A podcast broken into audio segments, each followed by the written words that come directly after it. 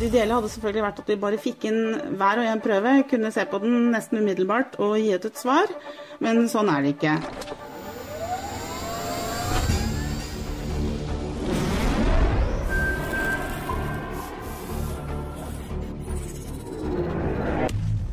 Velkommen til Teknisk sett, en podkast fra TU. Jeg sitter her i karantene alene, men på Whereby så har jeg Odd-Rikard Valmot. Hei, Jan. Jeg sitter nede i bunkeren min, nede i kjelleren. Ja, Er det andre uka du sitter på? Ja, det er faktisk det.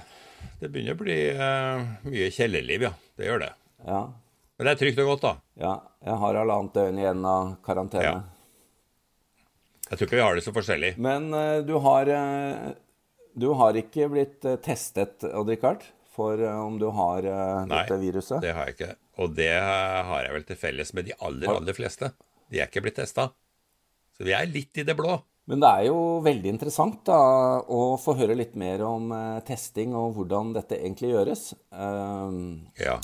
Og da er det jo uh, veldig bra for oss å få tak i en ekte bioingeniør som uh, tar imot dette her på laben. Ja. Og da må vi bare introdusere bioingeniør Mette Lundstrøm Dahl. Velkommen. Takk for det. Fra hjemmekontor, du også? Ja, akkurat nå i hvert fall. Ja, men vi må jo legge til da, at uh, når Odd-Rikard sitter i kjelleren sin og jeg sitter hjemme på andre uka, så er du utegående. Mm -hmm. Ja da. Du, du, er faktisk på laben. Jeg er på laben uh, om ikke hver eneste dag, så ikke langt unna. Og da er det koronatesting eh, det går på mest? Ja da, det er, det er vet du. Det går på masse koronatesting da. Det er det vi har fokus på nå for tida. Først og fremst, i hvert fall. Men kan du fortelle oss litt Først og fremst, det er jo ikke dere som henter inn uh, testene, det er det jo mm. leger og sykepleiere som gjør. Det stemmer. Men hva, hva skjer når, uh, når, dere får det? Ja, nå, Vi får jo prøvene inn til oss på laboratoriet etter at legen eller sykepleierne som regel da, eller andre helsearbeidere har tatt, tatt prøven. Um, og det som skjer da, er at vi må registrere de inn i vårt labdatasystem. Og um, vi samler gjerne opp en del prøver av gangen. fordi det er ikke sånn at vi bare kan se på disse prøvene og finne ut av om de er positive eller negative. Eller dvs. Si om de har koronavirus i seg, eller om de ikke har koronavirus i seg. Vi er nødt til å gjøre ganske, Det er en ganske forholdsvis lang og møysommelig prosess før vi kommer i mål til å finne ut om det er virus i prøven eller ikke. Så det ideelle hadde selvfølgelig vært at vi bare fikk inn hver og en prøve, kunne se på den nesten umiddelbart og gi ut et svar. Men sånn er det ikke.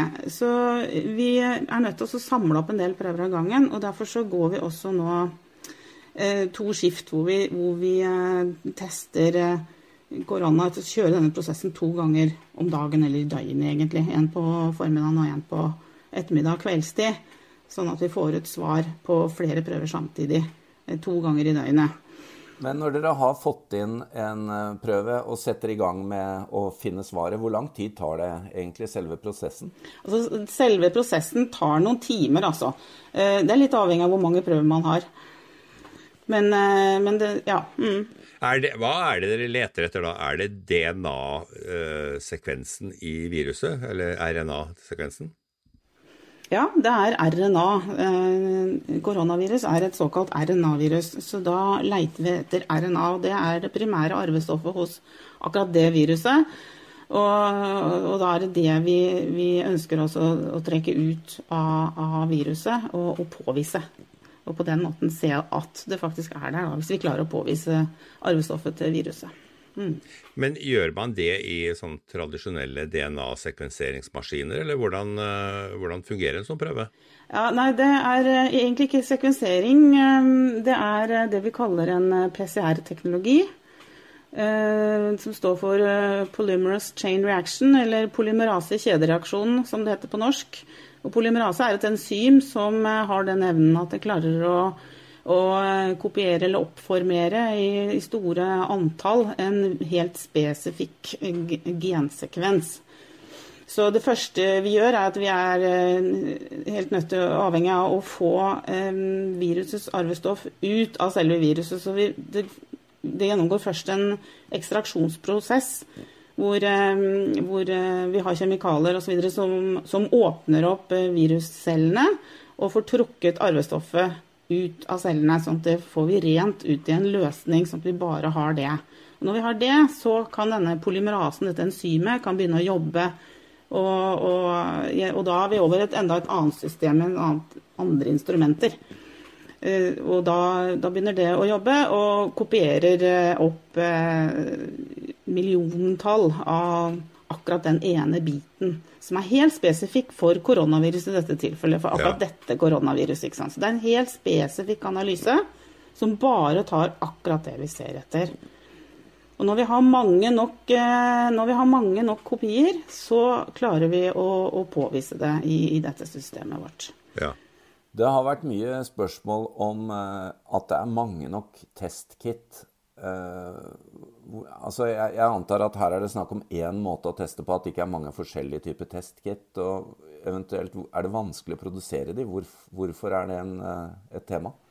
Jo da, eh, det er faktisk mange testkit der ute. Det er mange forskjellige tester man kunne hatt, eh, hatt, valgt. Men det er bare det at når man først har valgt et system, så innebærer jo det masse valideringer og svære instrumenter og systemer og installasjoner osv. Så, videre, så det er ikke bare liksom å switche heller.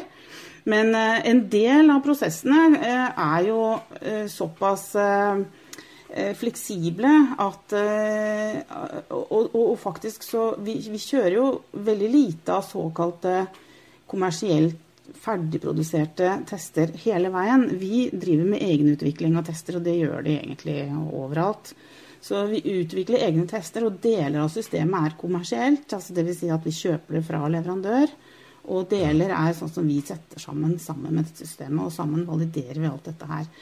Men vi har mulighet til å, å Altså vi tenker um, nye løsninger. Vi har mulighet til å være fleksible. Uh, så lenge vi har den uh, muligheten at vi får lov til å drive med egenutvikling uh, av, um, av disse testene. Da. Av tester, ja. Mm. Det har vært snakk om uh, i utlandet at man skal prøve å korte ned tiden voldsomt. Så nærmest blir det sånn drive-through testing. Mm. Er, det, er, det, helt andre typer tester, eller er det bare samme testen som er speeda opp voldsomt? Ja, korte ned testtida, det kunne man vel Det er jo mulig man kan gjøre det. Altså teste Altså man kan sannsynligvis Det vil komme nå tester på det vi kaller for hurtiginstrumenter, altså hurtigtester. da som også kjører samme ja. prinsippet. Og vi har noen sånne instrumenter eh, på laboratoriet hos oss også. Men de er jo kjempedyre. ikke sant? Så å kjøre storskala med analyser gjennom de, er, for det første tar det masse tid. Det er, hvis du får én og én prøve inn, så kan du få ganske kjapt svar på én prøve. Ja. Men, eh, men eh, du, når du da har flere hundre prøver kanskje gjennom systemet per dag, så, så, og du skal kjøre én og én prøve, og hver av de tar en halvtime, så sier det seg sjøl at det systemet det er, det er, vanskelig. Da må du ha fryktelig mange av de instrumentene, i hvert fall. Og de, de, ja, de, er, de, er, dyre, og testene er veldig, veldig dyre. Så, Hva har vi av kapasitet i Norge i dag da, til å teste sånn uh, per dag? Det er, det er, jo det som er noe av problemet nå. Det er jo denne, denne tilgangen på reagenser altså, som utgjør disse egenutvikla testene våre. Og det gjelder jo hele landet, egentlig.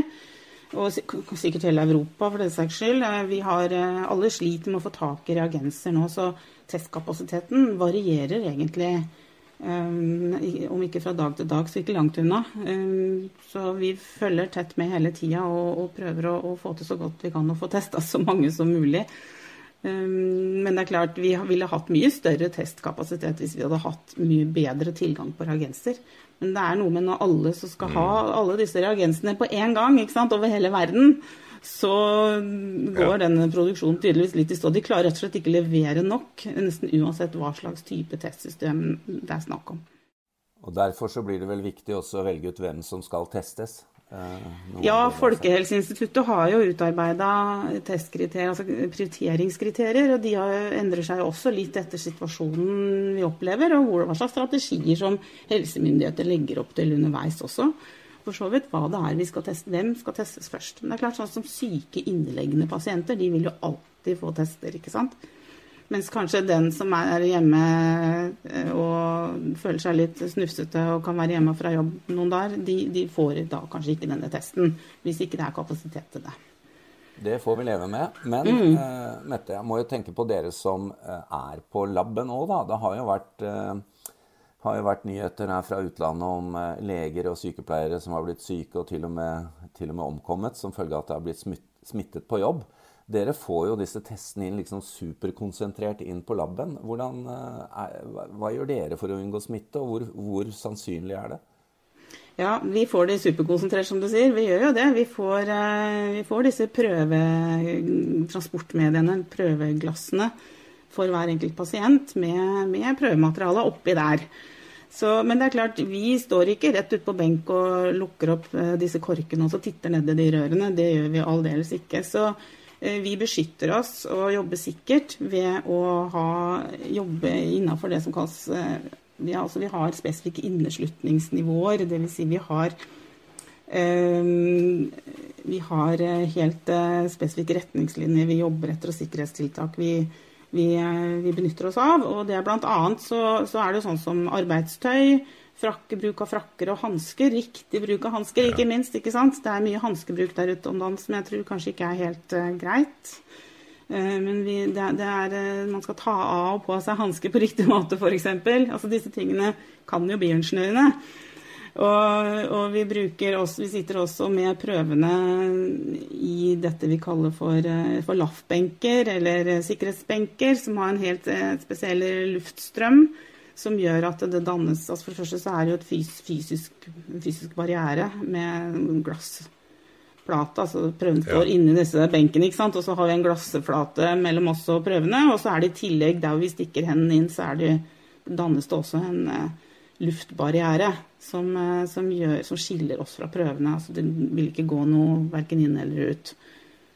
Og, hvordan, ja. uh, hvordan, vil du si det har, det har, vært litt, Jeg ser Gro Harlem Brundtland er ute og sier at dette var egentlig en, en katastrofe som var spådd at vi ikke er godt forberedt. Men det virker jo som om i det leddet dere jobber, så, så får dere jo unna en god del, da. Ja, vi gjør jo det for så vidt. Eh, eh, jeg vet ikke helt hva hun mener med Det er vanskelig å gå inn på det for meg, kanskje. Hva hun, hva hun ja. mener med, med, å ikke være godt forberedt. Det er jo mange sider av, av helsevesenet her, men i hvert fall på laboratoriesiden så vet vi eh, hvordan vi skal håndtere eh, i forhold til Folkehelseinstituttets retningslinjer, så har vi ikke noe problem med å håndtere, eh, håndtere dette viruset og dette, denne måten, altså hvordan vi jobber her da, i forhold til, eh, til, disse prøvene. Men eh, på andre med tanke på andre ting, så, så, vet jeg faktisk ikke. Men på laboratoriet så håndterer vi dette greit. Det er eh, rundt 7000 bioingeniører i Norge, eh, som du nevnte før sending. Er alle nå konsentrert rundt koronaprøver? Eller i, hvert fall de fleste? Eh, på en eller annen måte er nok veldig mange involvert. Eh, det er de nok. Nå er det jo på de mikrobiologiske laboratoriene eller avdelingene som denne testingen foregår, vil jeg tro for de aller fleste. Men det er klart, de som tar blodprøver f.eks. av syke pasienter osv., de er jo også de blir jo eksponert på en helt annen måte enn det vi gjør som jobber ja, inne på laboratoriet med prøvene. Så det er jo bioingeniører som kall det eksponeres for pasienter, da, eller har også pasientkontakt. Ja, ja. Det har ikke vi eh, på den avdelingen der jeg jobber. Eh, men, eh, men, i tillegg så har vi selvfølgelig veldig mange andre funksjoner som må gå, da. Så vi, vi, vi, kan jo ikke bare legge alt annet på is, selv om selvfølgelig nå er veldig mye av innsatsen satt inn i forhold til koronavirus og en del annet mm. må vente, rett og slett. Ja, Dere merker vel også at det kanskje ikke er samme tilgang på andre prøver. Jeg hører jo at eh, det er færre som blir lagt inn eh, av andre akutte sykdommer på sykehus, og at man er litt redd for det. Er eh, Men det er jo, vi må jo ta opp det, Mette, som biingeniør. Dette viser jo hvor viktig denne kompetansen er. Dere er jo litt sånn i, i, i fluks mellom ingeniørfaget og helse, helsefaget. Hvordan kan du si noe om det? Mm. Ja, vi sorterer liksom litt innunder begge deler, da. Og, og, og i tillegg så, så, eh, Vi strever vel kanskje litt med å være en, en, en, profesjon som ikke er så veldig synlig, egentlig. Det er, det er slett ikke alle som vet hva en bioingeniør er for noe. Så, Nei, her er din de, mulighet. Nå kan du fortelle det. ja, de fleste tror vel at uh, hvis de vet noe med bioingeniør, så er det vel stort sett at de tar blodprøver. Men uh, det er jo bare én del av det å være bioingeniør, og det er jo ikke alle bioingeniører som gjør det. Nei, så absolutt bioingeniører tar jo imot alle disse prøvene som, uh, som man som pasient tar der ute på legekontoret, eller når man er når man er innlagt på sykehus. Og så eh, blir jo Det er masse kompetanse som skal til, og det er mye metoder og det er mye, mange prosesser som eh, bioingeniørene må ha styr på. Og det krever mye kompetanse og kunnskap altså underveis, og ikke minst mye samarbeid eh, mellom bioingeniører, mikrobiologer, andre leger, helsesekretærer. Så det er jo et helt apparat dette her, ikke sant, som bioingeniørene samarbeider med. Så, så vi, vi, er, vi, vi, trenger masse kompetente folk, og det er behov for mange bioingeniører i framtida også. Her skjer det mye på forskningssida og masse på utviklingssida. Det er avanserte metoder vi snakker om. Så, så, så vi, trenger uh, flere, og vi trenger absolutt uh, uh, å, å, ha folk og utdanningen i gang og, og få flere mm. ut i arbeidslivet etter hvert. Mm, så så det er, en, det er en uh, forholdsvis stor gruppe, men det er jo en mye mindre gruppe enn sykepleieren og sånt, selvfølgelig. Så, men, uh, men uh, ja. Det er veldig spennende å høre Mette Lundstrøm Dahl. Vi skal la deg slippe nå, sånn at du kan gå på laben. Og Odd Rikard og jeg skal love at vi skal holde oss unna, unna rappe noen testkit fra noen. Vi får holde oss friske, Odd. Det tror jeg vi skal satse på. Det må dere gjøre. Vi er jo vandrende risikogruppe. Og lykke til eh, med jobben videre, Mette. Takk for eh, innsatsen. Og du må hilse alle bioingeniører fra oss og si at vi skal eh, hjelpe til å gjøre det synlige. Tusen takk for det, og tusen takk for at jeg fikk være her. Ja, flott. ok, takk skal dere ha. Ha det. Ha det bra. Hei.